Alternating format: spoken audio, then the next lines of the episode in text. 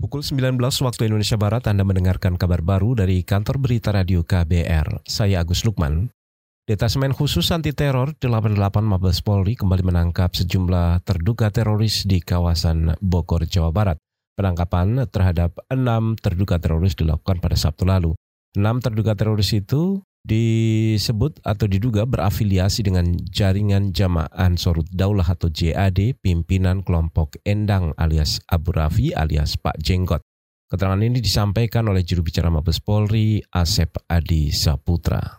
Dari enam teroris ini, adalah merupakan bagian pengembangan dari pelaku yang terdahulu sudah kita tangkap, yaitu saudara Endang alias Pak Jenggot yang pada bulan Mei lalu ditangkap di daerah Bogor. Enam orang ini merupakan bagian dari seluruh kelompok yang mereka menamakan dirinya Daurut Daulah. Juru bicara Mabes Polri Asep Adisa Putra menambahkan, kelompok ter teroris Jamaah Ansarud Daulah berhubungan dengan kelompok ISIS di Timur Tengah. Terduga teroris ini menurut Asep sebelumnya berniat melancarkan aksi teror di tengah rangkaian momen pemilu 2019 yang lalu. Beralih ke informasi ke DPR, saudara DPR berencana akan menggelar rapat paripurna untuk mengesahkan pembentukan alat kelengkapan Dewan atau AKD pada Selasa besok. Anggota DPR dari fraksi Partai Nasdem, saat Mustafa mengatakan, pengesahan alat kelengkapan Dewan ini agar komisi-komisi di DPR bisa segera bekerja pengesahan alat kelengkapan DPR, kedua mitra-mitra kerja komisi badan, dan yang ketiga pembahasan surat-surat masuk ke DPR.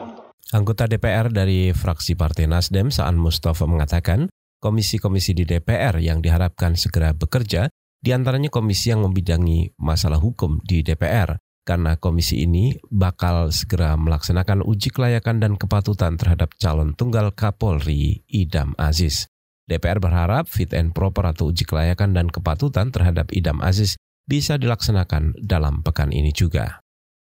Wakil Presiden Ma'ruf Amin mendukung permodalan bagi bank syariah. Salah satunya adalah Bank Muamalat yang merupakan bank syariah pertama di Indonesia. Juru bicara Bank Muamalah Hayu Naji berterima kasih kepada Wakil Presiden Ma'ruf Amin yang selama 17 tahun mendampingi Bank Muamalat dan harus mundur dari jabatannya sebagai Dewan Pengawas Syariah Bank Muamalat karena terpilih sebagai Wakil Presiden. Oke kan memang, memang support, beliau sangat mendukung pertumbuhan ekonomi syariah di Indonesia. Juru bicara Bank Muamalat Hayu Naji enggan berkomentar terkait masalah permodalan yang saat ini sedang dihadapi oleh Bank Muamalat. Sebelumnya, saudara bank syariah tertua di Indonesia ini sedang mengalami masalah permodalan. Sejak 2015 lalu, sebagian pemegang saham berhenti memberikan suntikan dana dan pendapatan distribusi di 2019 lalu, maksud kami di 2019 hanya sebesar 415 miliar rupiah. Angka ini jauh lebih kecil dibanding tahun sebelumnya yang mencapai dua kali lipatnya. Kita menuju ke Jawa Tengah, saudara. Berbagai elemen masyarakat yang terdiri dari buruh, petani, mahasiswa, dan masyarakat sipil menggelar unjuk rasa di depan kantor Gubernur Jawa Tengah. Aksi ini dilakukan bertepatan dengan Hari Sumpah Pemuda.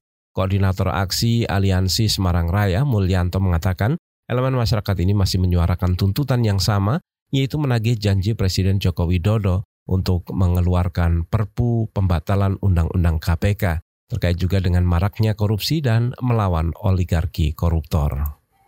Apa yang menjadi tuntutan kita itu tidak jauh dari kemarin-kemarin yang sudah kita lakukan, di antaranya mengenai pelemahan KPK dan mengenai RUU yang kontroversial itu. Terus ditambah persoalan buruh, kan di sore hari ini supaya pemerintah dan gubernur bisa mencarikan solusi yang terbaik agar upah di Jawa Tengah ini kita tidak minta upah yang tinggi, tapi upah yang setara. Koordinator Aksi Aliansi Semarang Raya Mulyanto mengatakan tahun ini merupakan tahun paling parah lantaran dalam proses pelaksanaan legislasi banyak pengesahan RUU sektoral yang merugikan masyarakat serta tidak adil bagi masyarakat kecil. Mulyanto menambahkan pemerintah juga ti dianggap tidak berpihak kepada masyarakat karena mahalnya harga kebutuhan pokok. Demikian saudara kabar baru dari KBR, saya Agus Lukman.